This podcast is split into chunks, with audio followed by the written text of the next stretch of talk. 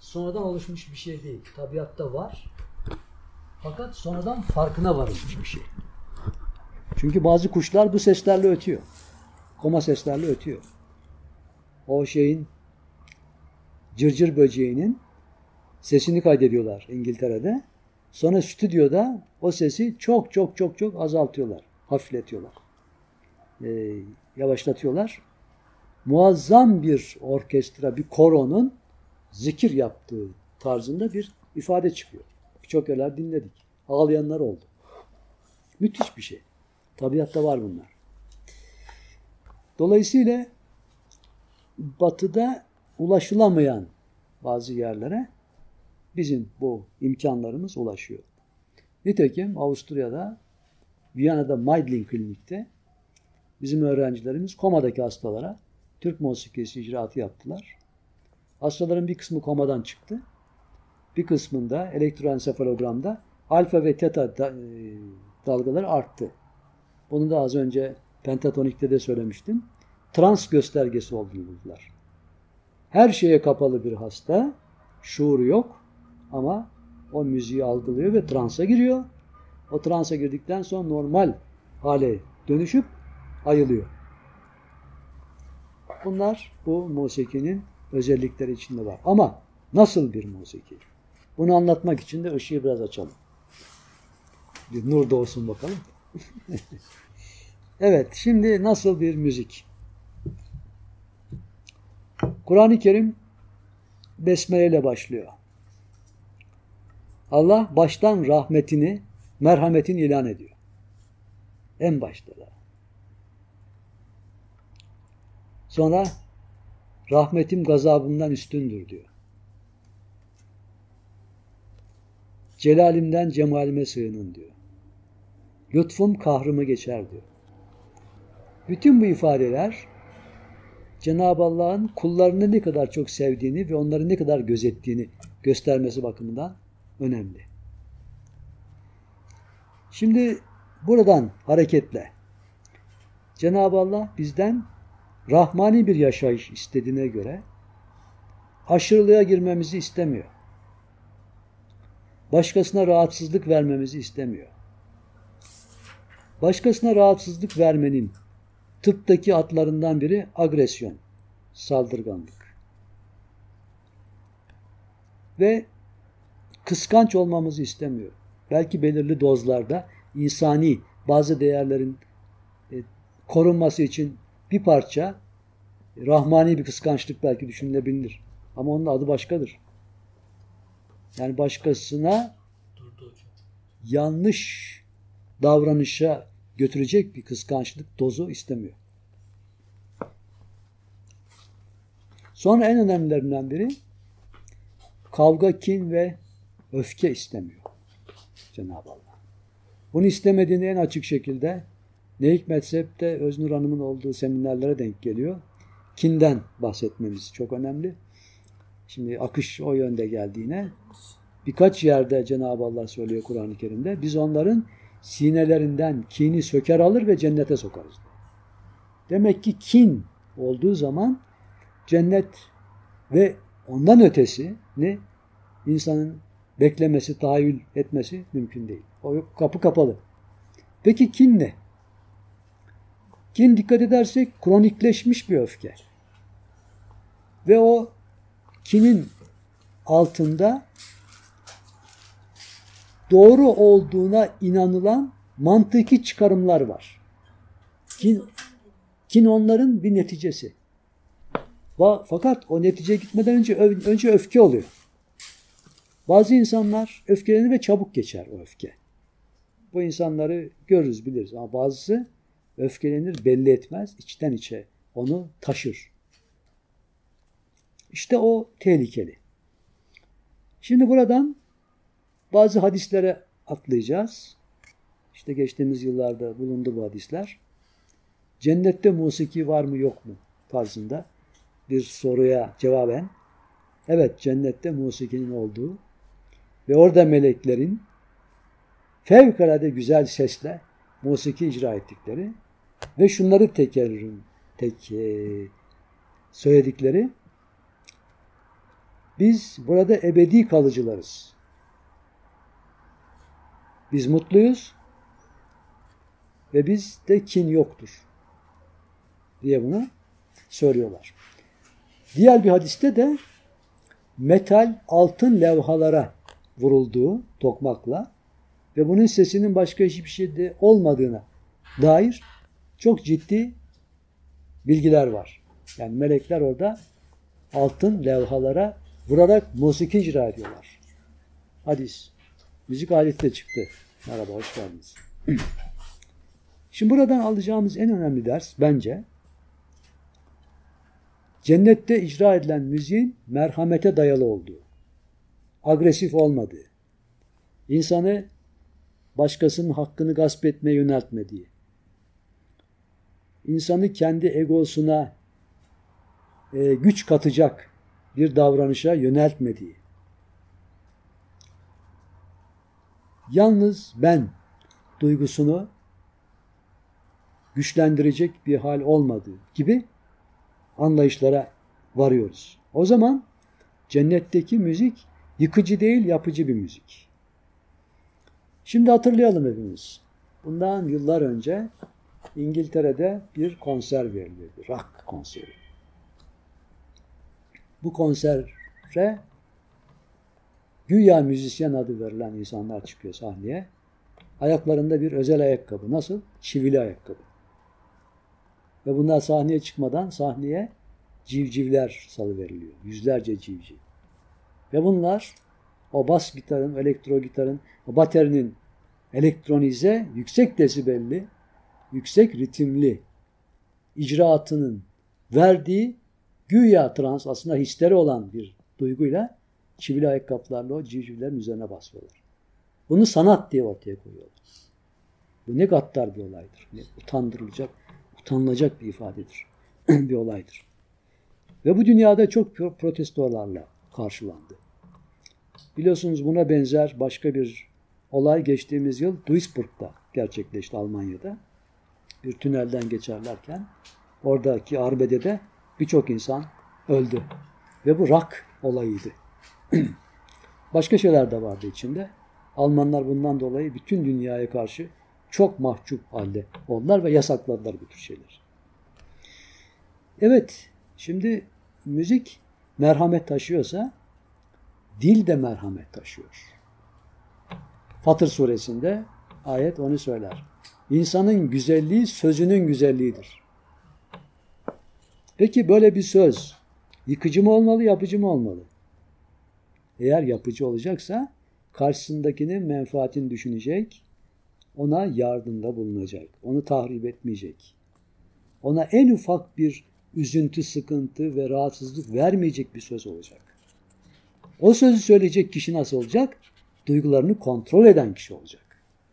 Ve kendisi rahmani bir nefes içinde yaşayan bir insan olacak. Ancak o zaman o söz doğru söz olur. İşte oradan Yunus'a gelelim. Söz ola kestire başı, söz ola kese savaşı, söz ola ağula aşı, yağ ile bal ile bir söz. Şimdi buradan Rebapname'ye geliyoruz. Rebapname'de en son okuduğum yerlerden biri dinlemek bahsi. Sultan Veled Hazretleri bu konuya işaret ederken dinlemek esastır, söz arkadan gelir diyor. Bunun üzerine çok çok düşünmemiz gerekiyor. Bazı insanlara söz söyleme selahiyeti veriliyor. Nasıl? Buradan peygamberlerin hayatına doğru bir giriş yapacağız. Hazreti Peygamberimize kadar gelen dönemde diğer bazı peygamberlere bir takım mucizeler veriliyor, bahşediliyor. İşte Hazreti İbrahim ateşte yanmıyor mesela bunlardan biri. Efendim Hazreti Musa Cenab-ı Allah'la bir kelam olayı yaşıyor. Konuşma olayı. Hazreti İsa ölüleri diriltiyor vesaire. Peki Hazreti Peygamberimizdeki mucize nedir? Şimdi üstadımızdan rahmetli Turgut Baba'dan aldığımız bilgiye göre ve duyguya göre şöyle. Arap ülkesinde veya Arap bölgelerinde çocuk çok daha küçükken uygun eğer e, ekonomik yönden, sosyal yönden uygunsa çocuğu Yemen'e gönderirlermiş. Yemen'de Beni Saat kabilesi diye bir kabile var. Burası güzel konuşmayla ünlü bir yer. Hazreti Peygamber de gitmiş. Orada bir müddet kalmış. Bu neden çok önemli? Mesaj filmini hatırlayacak olursak, Hazreti Peygamber'in hayatını anlatan Mesaj filminde e, girişte bir şair şiirler söyler ve bir devlet büyüğü gelip ona bir kese altın veya para verir. Ve orada öyle bir şey anlatılır ki emirden sonra gelen en önemli makam şairdir. Edebiyatçıdır. Sözü vardır. Çünkü söz sahibidir. Emirin tahtını elinden alabilir. Korkudan o da ona rüşvet veriyor. Bunun da giriyor mesaja. Çok enteresan bir Ve o zaman Arap şairleri çok revaçta. Muallat-ı Seba adı verilen, yedi askı denilen Kabe'de bir bölüm var. Şiirlerini oraya asıyorlar. Orada aktüelite belli ediyor. Hangi şair daha iyi durumda filan diye. İşte ayetler gelmeye başladığı zaman bazı ayetler yazılıp oraya asıldığında şairlerde panik başlıyor. Bu nasıl bir ifade? Çünkü onların öğrendiği sistemin çok dışında bambaşka bir şey ve onu akıl erdiremiyorlar. Ve Hazreti Peygamber'in mucizesi burada ortaya çıkıyor. Kelam, söz. Sonra şöyle de bir şey oluyor. Bir gaza sırasında hesaptan bazıları Hazreti Peygamber'e geliyorlar. Karınlarının acıktığını söylüyorlar. Hazreti Peygamber dua ediyor. Hiçbir şey kalmamış yiyecek. Cebrail aleyhisselam bir tabak hurma getiriyor cennetten. Bu da Fuat Köprü'nün Türk Edebiyatı'nın ilk mutasavvıflar eserinde çok güzel şekilde verilir. o hurmalardan bir tanesi yere düşüyor. Cebrail aleyhisselam onun çok sene sonra doğacak ve yaşayacak olan Hoca Ahmet Yesevi'ye ait olduğunu söyler. Bunun üzerine Hazreti Peygamber sorar hesaba. Bu hurma gayb aleminden zuhur alemine geldi. Bunu sahibine kim götürmek ister? Aslan Baba isminde bir zat vardır. Onun türbesi Türkistan şehrine yakın Otrar kasabasındadır Kazakistan'da. Şimdi Çimkent yakınlarında. O bu görevi üstlenir. Hazreti Peygamber bu hurmayı onun damağına yerleştirir. Rivayete göre aşağı yukarı 500 sene yaşar Aslan Baba ve o Sayram kasabasında Hoca Ahmet Yesevi'nin babasının türbesinin olduğu yerde bir köprü üstünde Ahmet'i görür. Aslan Baba Ahmet 7 yaşındadır. Aslan Baba'yı gören Ahmet hemen emanetimi getirdin mi der. Daha o yaşta onun şuurunda. Aslan Baba hurmayı verir ve onun eğitimiyle meşgul olur. Denir ki o mucize olayı ve Hazreti Peygamber'de ortaya çıkan olağanüstü, o devrin şartlarına göre olağanüstü sayılabilen söz söyleme kabiliyeti bu hurma kanalıyla Türkistan'a taşınmıştır. Ve velayet Piri Türkistan'ı denilen Hoca Ahmet Yesevi'ye teslim edilmiştir. Orada bu çekirdek ağaç haline gelir. Emir Sultan Hazretleri, Hasan Hüsamettin Uşaki Hazretleri, Hacı Bektaşi Veli Hazretleri. Anadolu'ya nasıl gelirler? Hep rüyayla gelirler. Görevlendirilmiş olarak gelirler. Emir Sultan Hazretleri. O Türkistan'da hacca gitmek için niyet eder, hazırlığını yapar. Bir gece rüya görür. Rüyada Cenab-ı Peygamberimiz ona der ki, yola çıktığın zaman önünde üç tane ışık olacak. O ışığı takip et. Işıkların kaybolduğu yerde iskan ol. Mesken tut. Mesken tutmak. Yani orada otur. Ve öyle olur. Nere niyet ne kısmet. Ve o ışıklar onu Bursa'ya getirir. Bursa'da irşada başlar. Hasan Hüsamettin Uşaki Hazretleri o şekilde uşağa gelir rüyayla. Şimdi ne oldu?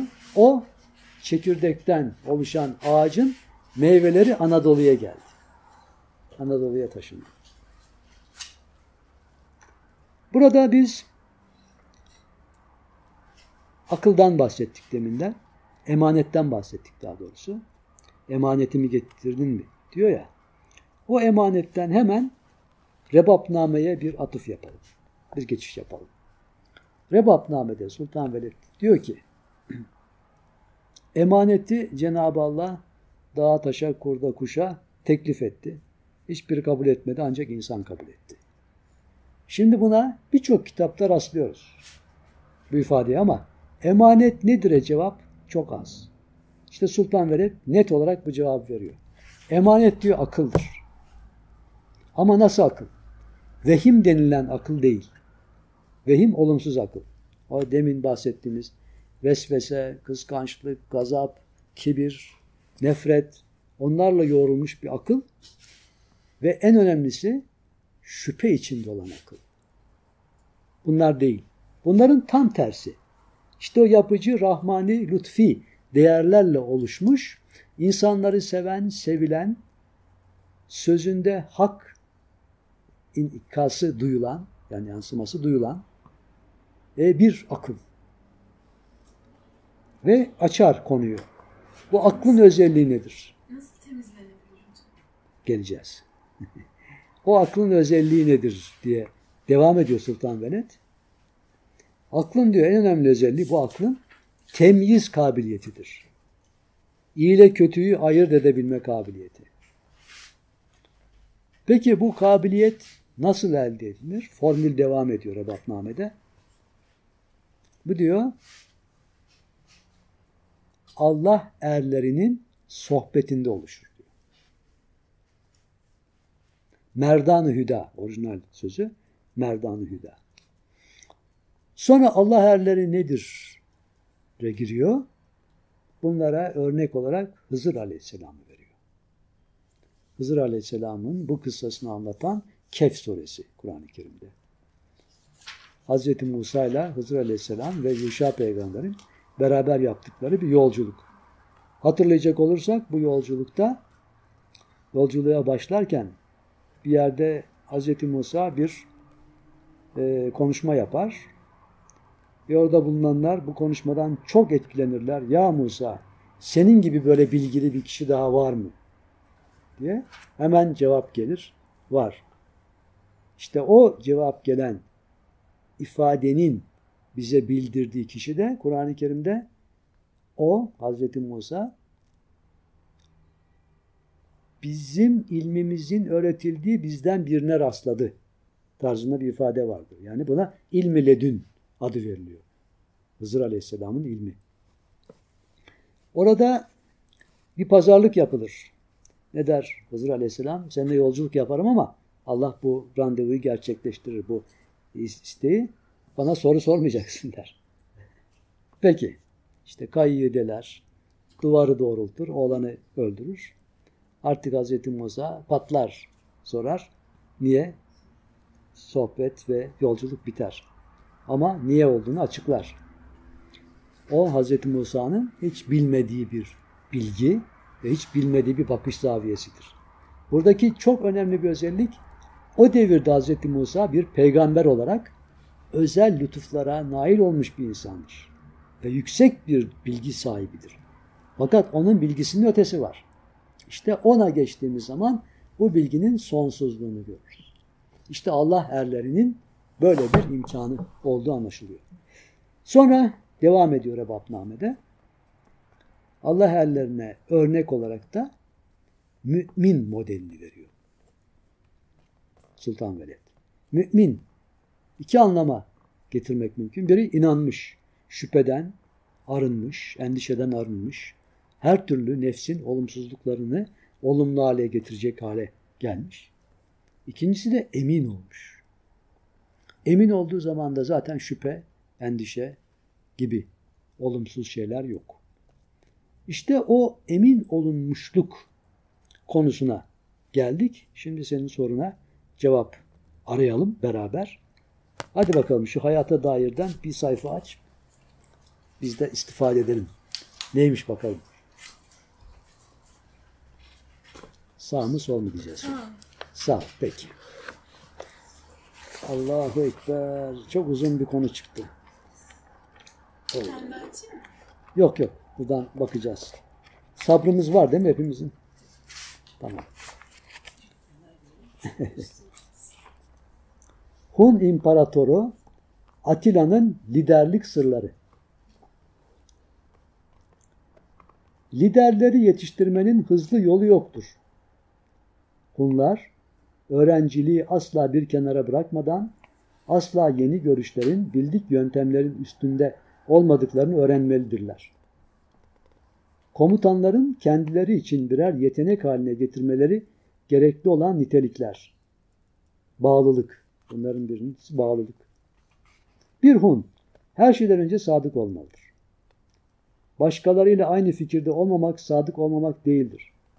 Umumi fikre katılmayan bir Hun'a herkesin yararı için kulak verilmelidir. 2. Cesaret 3. Arzu Zayıf komutan, komutan olmak istemeyen kişidir. Savaşçılarımız görevlerini yerine getirmeye gönüllü olmadıkları mevkilere getirmemeliyiz. Duygu gücü, fizik gücü, sezgi, kararlılık, tahmin, zamanlama, rekabetçilik ruhu olmayan lider zayıftır ve en ufak bir problem karşısında kolaylıkla pes eder. Özgüven Sahip oldukları özgüveni aşan bir liderlik görevi üstlenenler aslarına ve üstlerine bunu hissettirirler. O yüzden zayıf liderler ve yararsız olurlar.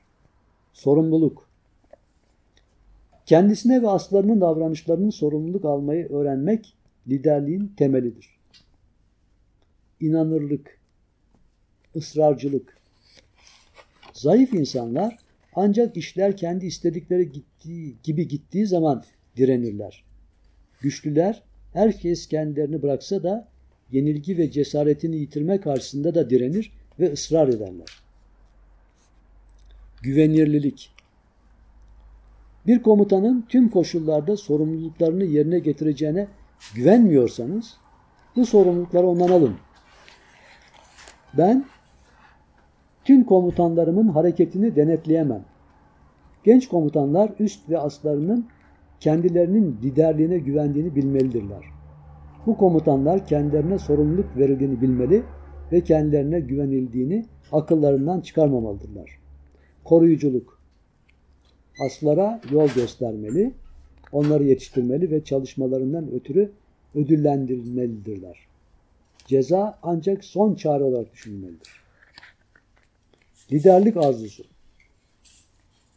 Liderlik etme arzunuz sabırsız zorlamalarla gerçekleşemez. Sabır ve arzu. Hazırlıklı ve deneyimli olmak, liderlik arzularınıza gen vurmanızı gerektirir. Alın teri daima ilhamdan önce gelir. Çok. Problemler ve muhalefet karşısında bile ısrarlı olmalısınız. Allah duanın devamlı olanını seviyor. Israr. Ama uyumlu dozda ve uyumlu anlamda.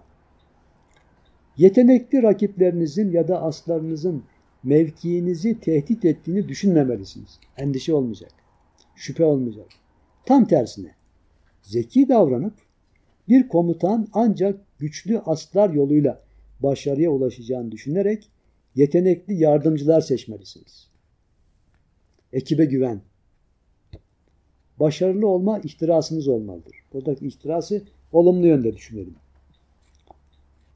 Doğal davranmalı, mevkiinizin size getirdiği sahte bir gurura kapılmamalısınız.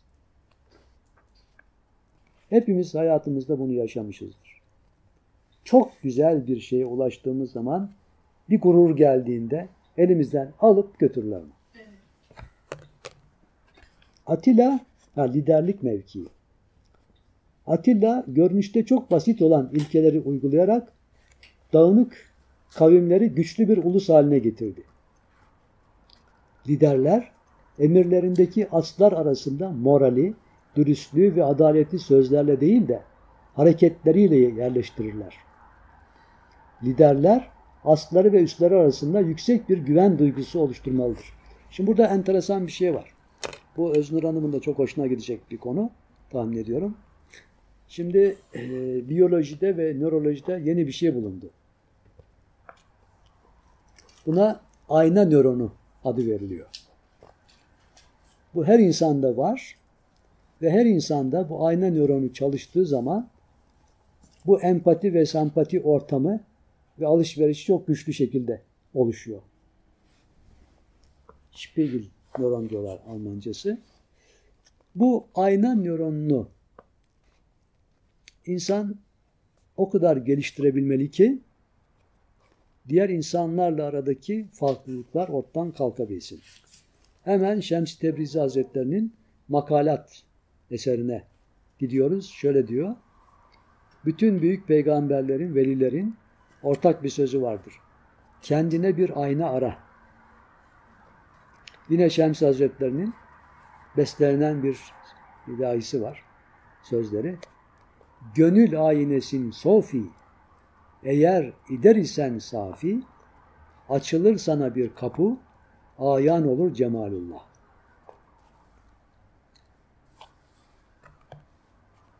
İşte bu hareketler, yine bu nörolojik bulguya göre, hareketler bu ayna nöronunu güçlendiriyor, harekete geçiriyor. Bir derviş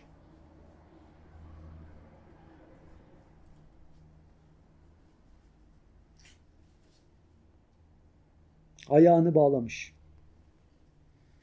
Soruyorlar niye ayağını bağladın? Şeyhimin ayağı acımıştı diyor. Ayna ona da intikal ediyor ve o da onu gerçekleştiriyor. Liderler görevine bağlı olmayan kişilere asla hoşgörü göstermemelidir. Merhamet çok önemli bir duygu ama yerinde olacak. Bazen dozunu aştığı zaman o merhamet menfaatle çatışıyor. Menfaat camiasına giriyor. Çünkü şöyle bir güzel olay vardır. Bir kelebek küçücük bir delikten dışarı çıkmak istiyor.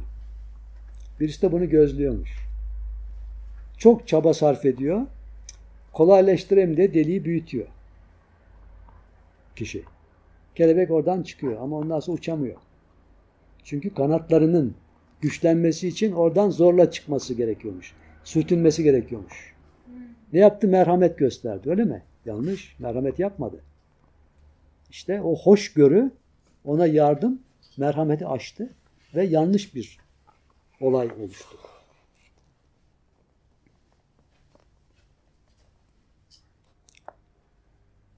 Tamam. Komutanlar ve asları üstlerine düşeni bilmelidirler. Bu bilgi olmaksızın onlardan görevlerini yerine getirmelerini nasıl bekleyebilirim? Komutanlar başarılan şeylerin beklenen işler olduğunu anlayabilmek için sık sık onları denetlemelidirler. Başarı, her çeşit düş ve cesaret kırıklığını yenen muazzam, zorlu bir çalışmanın sonucudur. Başarıya karmaşık strateji ve taktiklerle değil, ancak görevinizi sürekli yerine getirerek ve liderliğin sorumluluklarını uygulayarak ulaşabilirsiniz.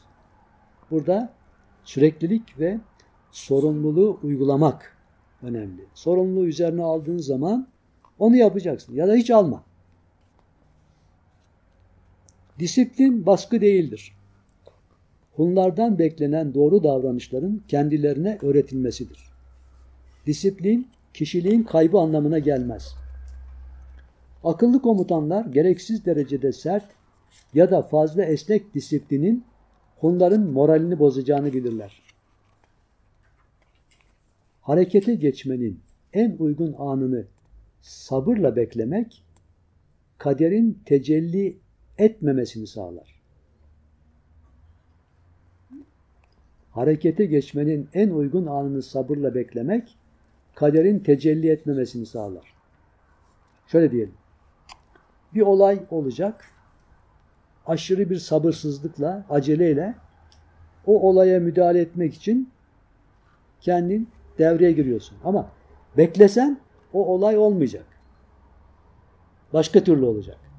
Acele ettiğin için o kader başka türlü oluşuyor. Akıllı bir komutan aslarına kendi düz- düzeylerine uygun kararları verme ayrıcalığını tanımalıdır. Ne oluyor? Güven duygusu.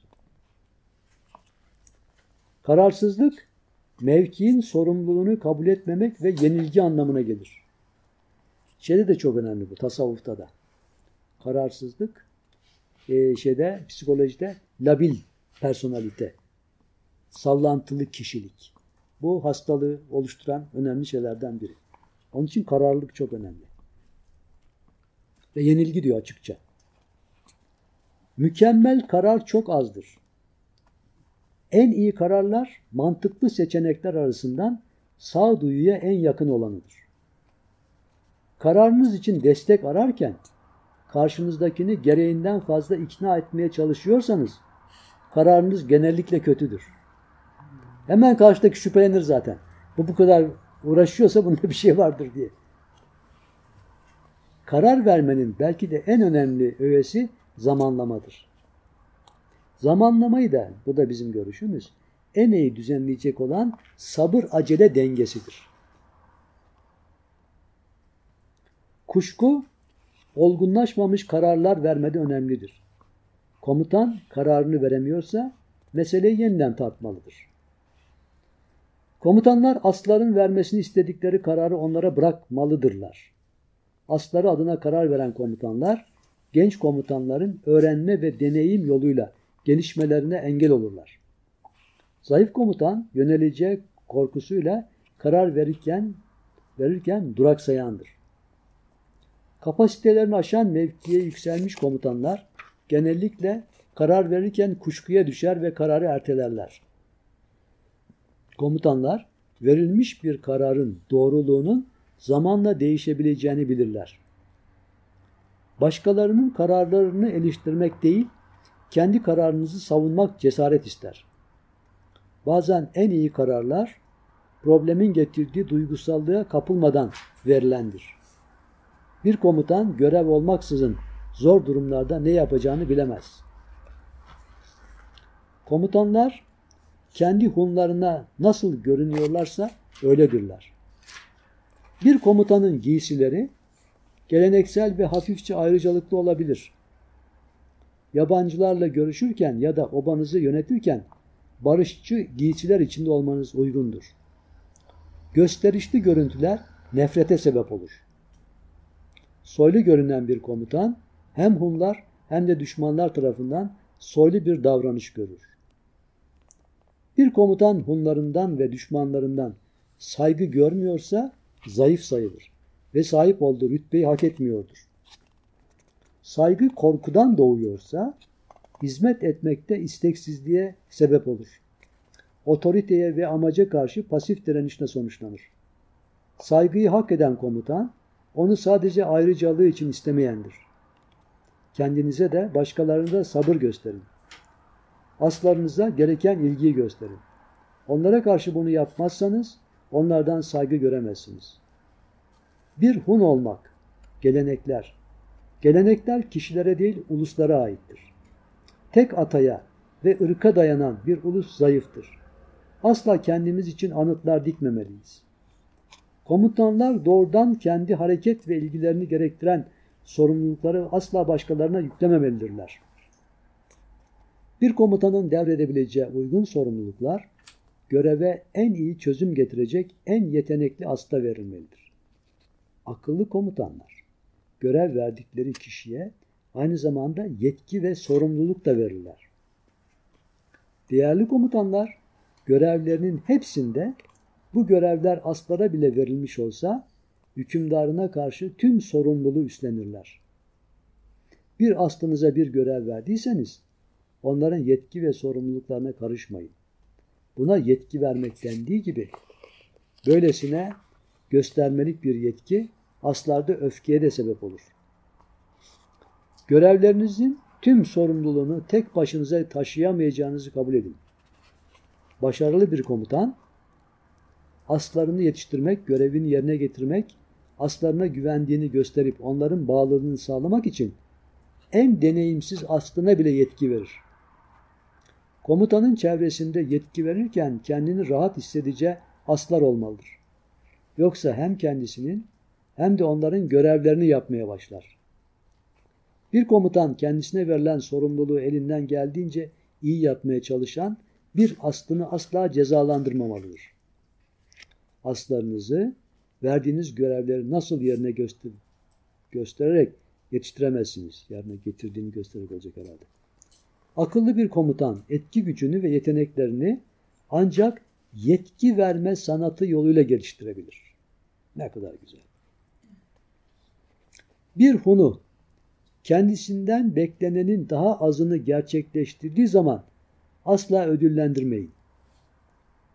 Hunlarınızı doğru yaptıkları her iş için de ödüllendirmeyin. Kolay görevler için küçük ödüller verin. İyi Hunlara vakit ayırıp onları övün. Hunların aileleriyle ilgilenin, dükkanlarının durumunu sorun, size sadık ve ihtiyacı olanlarla zenginliklerinizi paylaşın. Bir gün gerekirse sizin peşinizden cehenneme bile gideceklerdir. Asla bir Hun'a sizin için kişisel değeri olmayan bir ödül vermeyin. Şimdi ben mesela genelde çikolata sevmem, yemem yani. Fakat arkadaşlar çikolata getirirler. Ben tam onu çöp kutusuna atacağım zaman beklerler sırada elimden alırlar. Çünkü ben onu başka birine vermek isteyemem. Zararlı olduğunu biliyorum benim için. Başkasının da bu zarar ortak olmasını isteyemem. Asla bir huna sizin için kişisel değeri olmayan bir ödül vermeyin. Verilecek olan şey bizim için de değeri olan şey olacak. Hunlara çok fazla boş vakit tanımayın. Bu boş zamanlar huzursuzluklara sebep olur. Bu da en önemli bir ifade. Suçsuzları asla suçlamayın. Yenilgiyi onların omuzlarına yüklemeyin. Bu da bir adalet anlayışı. Başkalarının başarılarından ilgisi olmayan kişilerin pay koparmalarına asla izin vermeyin. Az kaldı. Düşmanınızı akıllıca seçin. Hükümdar bile olsanız herkesin sizinle aynı fikirde olmasını beklemeyin. Sizin de hem fikir duruma getiremeyeceğiniz kişilerle duygu enerjinizi boşuna harcamayın. Onları daha etkili yollardan fethedin. Aslınıza yetki verip sonra o görevi kendiniz yapmaya kalkışmayın. Aksi halde aslınızı kendinize düşman edersiniz. Mantıklı bir neden olmadan öfkelenip sinirlenmeyin. İşte bu bizi ilgilenecek önemli noktalardan biri. En değerli amaçlara çok zor ulaşıldığını unutmayın. Zafer kolay kazanılıyorsa kendi isteklerinizin değerli olup olmadığını sorgulamalısınız. Pazarlık sanatı. Asla hakem tayin etmeyin. Bu üçüncü bir kişinin sizin kaderinizi belirlemesidir. Böyle bir seçim zayıfın yararına olur. Alınan dersler. Hiçbir radikal değişiklik kolay değildir. Böyle bir değişiklik geleceği tahmin ederken geçmişi değerlendiremediğimiz zaman gereklidir. Geçmişimizin beceriksizliğini bir kenara bırakırken karşımıza çıkacak tehlikelerin en büyüğü tüm Hunların iyiliği için yeni bir yol çizen hükümdarınıza tüm kalbinizle destek olmamanızdır. Geriye kalan Göreve geldikten bir süre sonra yeni komutan aslarının, üstlerinin ve kendi düzeyindeki arkadaşlarının gözlerinde ya büyür ya küçülür. Komutan yetkisini iyi kullanırsa, bir bağlılık ruhu gösterirse, tüm sorumlulukların yerine getirilmesini temin ederse yücedir. Akıllı bir komutan, zamanın dolup yerine yeni birinin geleceği gün için hazırlık yapar. Ayrılan komutan kendi yerine gelen komutanın Hunlara iyi hizmet edeceğine inandığını dile getirmeli, belki de geçmişe kıyasla daha iyi olacağını belirtmelidir. Ayrılan komutan asla geri dönüp bir zamanlar hizmetinde olan Hunları etkilemeye çalışmamalıdır. Hunlardan böyle bir istek gelse bile böyle bir hareketin sıkıcı sonuçları olabilir. Bu çeşit istekler geri çevrilmeli, eski komutan Hunlara yeni komutanlarından yardım istemelerini söylemelidir. Eski komutan ne tür koşullar altında görevinden ayrılırsa ayrılsın, yeni lider onun hakkındaki konuşmalara izin vermemelidir. Durum ne kadar şerefsiz olursa olsun bitmiştir. Kötü sözler söylemek geçmişteki olayları değiştirmez. Profesör Doktor Wes Robert yazmış. Ne diyorsun? Çok güzel. Güzel. Yani bir ders aldık. Arzu edersen sayfa numarasını söyleyeyim. 191. Hayata dair Ostim yayınları 191. Bir de bunun kırmızısı var. Bu sarı olan.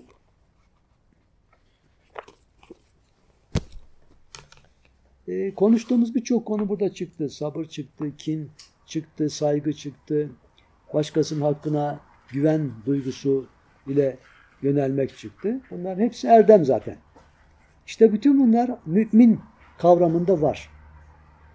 Ve yine Rebapname'de müminin güvenilir insan olduğu, emin insan olduğu bildiriliyor ve müminin bakışında, ferasetinde bir özellik olduğu söyleniyor. Ondan sakının diyor Cenab-ı Allah. Yani o başka bir şeyle bakar, başka bir görüşle bakar. Ve müminde tecelli eden bir özellik de nurdur diyor. O nur ile, o nurunun etkisiyle alemi aydınlatır.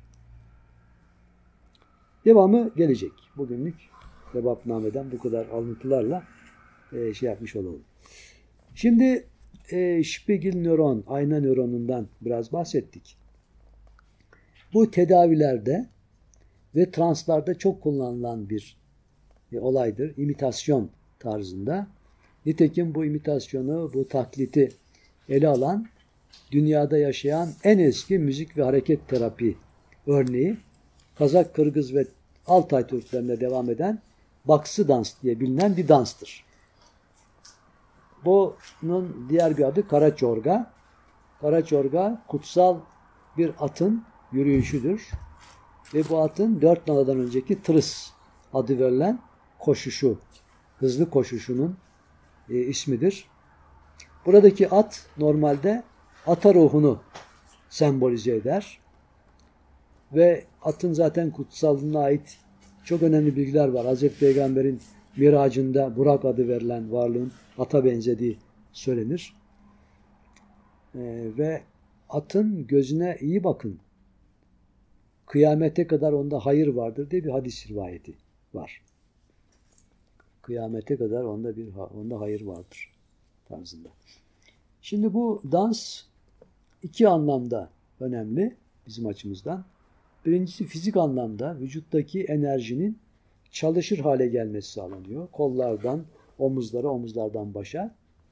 Ve o enerji çalışır hale geldiği zaman duygular değişiyor. Bloklar açılıyor. Hem fizik hem spiritüel ve psikolojik açıdan. Diğeri ata ruhuna ulaşma yönünde menzil kat etmek, bir efor sarf etmek, bir yola çıkmak. Cenab-ı Allah ne diyor? Ben siz bana bir adım gelirseniz ben on adım size dönerim diye. Yani ona fizik bir gayretle yöneliş duygusu oluyor. Şimdi biz yine Emre'den rica edelim. Emre bize bu dansı bir göstersin.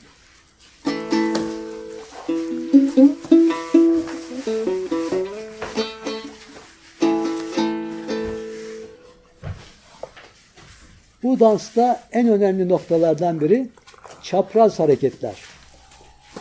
Özellikle kol hareketlerinde kolların vücudun öteki tarafına geçmesi çok önemli.